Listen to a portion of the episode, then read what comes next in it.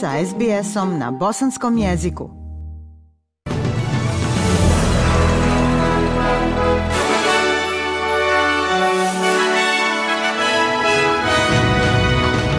U pregledu vijesti poslušajte.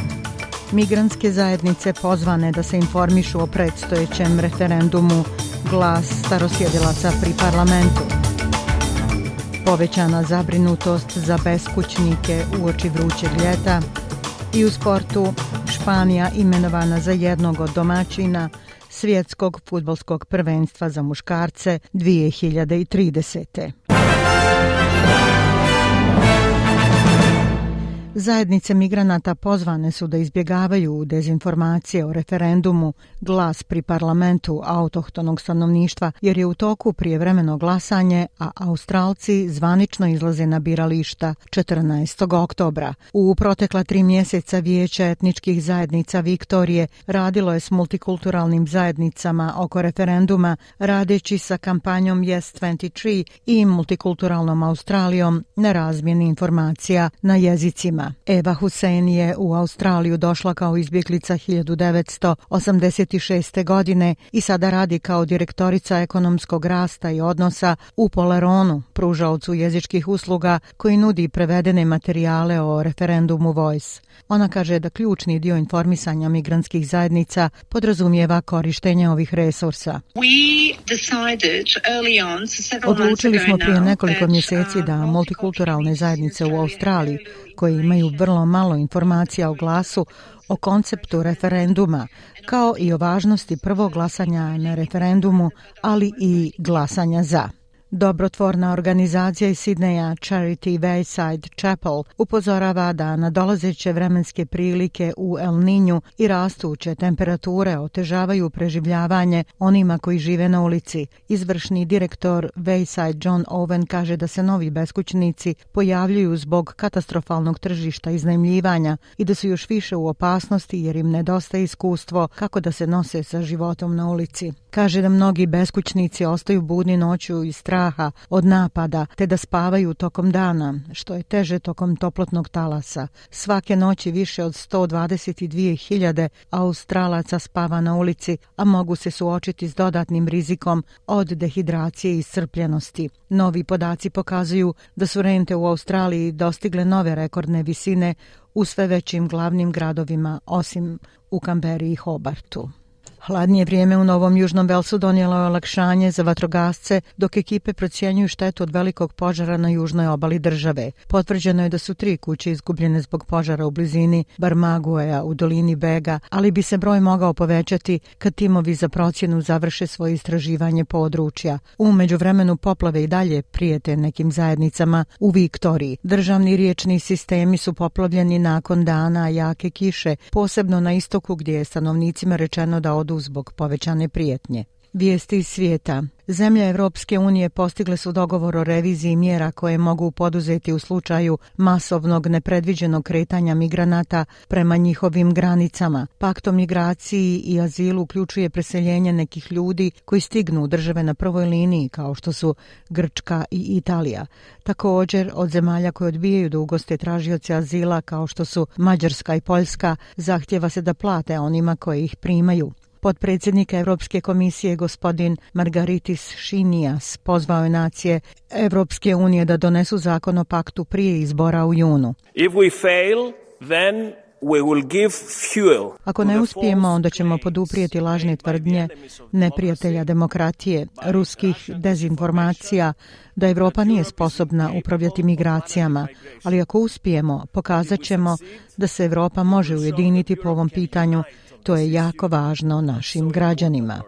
U Sjedinjenim državama predstavnički dom glasao je za smjenu predsjedavajuće Kevina McCartija. To je prvi put u historiji zemlje da je zastupnički dom uklonio predsjedavajućeg nakon zahtjeva za napuštanje. Zbacivanje iznudio republikanski predstavnik krajnje desnice Matt Gates, a podržali su ga republikanski kritičari McCartija kao i mnoge demokrate koji kažu da bi on trebao biti smijenjen. Predstavnik demokrata Kevin Smith kaže da je gospodin McCarthy zaslužio da ode. Kevin McCarthy is a MAGA extreme. Kevin McCarthy je ekstremista i unio je haos u dom i on kaže da je zadržavanje njega na toj poziciji način na koji rješavamo taj problem. To je argument koji se jednostavno ne prodaje. Revizijom australskog viznog sistema utvrđeno je da se koristi za iskorištavanje migranata i podsticanje kriminalnog podzemlja. U izvještaju se zaključuje da su privremeni radnici migranti u povećanom riziku da budu zlostavljani od strane svojih poslodavaca, da je to gotovo dizajnerska karakteristika imigracijonog sistema, dok loši akteri kriminalni sindikati koriste sistem za olakšavanje trgovine ljudima, modernog ropstva, ilegalni seksualni rad, uvoz droge i pranje novca. Ministrica unutrašnjih poslova Claire O'Neill kaže da je vlada primila Nixonov izvještaj u martu, ali je odlučila da ga ne otkrije dok ne odgovori na njegove nalaze. For the first time, um, in addition to investing Po prvi put, pored ulaganja od 50 miliona dolara u resurse koji su prošli kroz prošli budžet, integrisat ćemo sve dijelove slagalice koji su uključeni u osiguravanje da kriminalci ne mogu iskoristiti ovaj sistem. Svi će biti okupljeni pod jednom funkcijom u stalnu štrajkačku snagu koja će se kretati po imigracijonom sistemu kako bi se pozabavila problemima koje vidimo i osigurala da ljudi koji su odgovorni budu pozvani na odgovornost. Svjetska zdravstvena organizacija odobrila je novu vakcinu protiv malarije. Vakcina R21 koju su razvili naučnici Univerziteta Oxford tek je druga koja je stvorena. Iako je prethodna vakcina također efikasna, nova vakcina se može proizvoditi u mnogo većem obimu i jeftinija je. Generalni direktor organizacije dr. Tedros Ghebreyesus kaže da to označava prekretnicu u liječenju bolesti.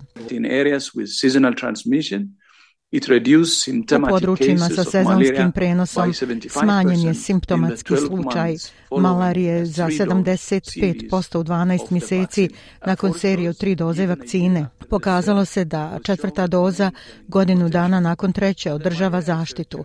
Kao istraživač malarije sanjao sam o danu kada ćemo imati sigurnu i efikasnu vakcinu protiv malarije. A sada imamo dvije.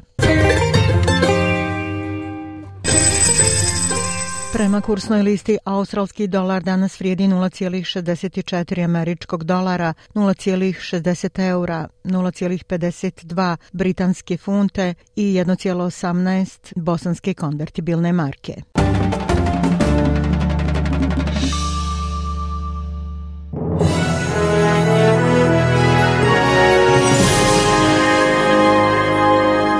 Vijesti sporta. Maroko, Španija i Portugal su imenovani za domaćine svjetskog prvenstva u futbalu za muškarce 2030. dok će Urugvaj, Argentina i Paragvaj biti domaćini uvodnih utakmica povodom obilježavanja 100-godišnjice turnira. Ovo je prvi put da će se svjetsko prvenstvo održati na tri kontinenta i šest zemalja, što bi moglo značiti da će se utakmice po grupama morati održavati u različitim meteorološkim sezonama. Ali predsjednik FIFA Gianni Infantino kaže da je sport ujedinjujuća snaga u podijeljenom svijetu. Bio je ovo pregled vijesti za proteklu sedmicu na bosanskom jeziku. Ja sam Aisha Hadži Ahmetović. Ostanite i dalje s nama.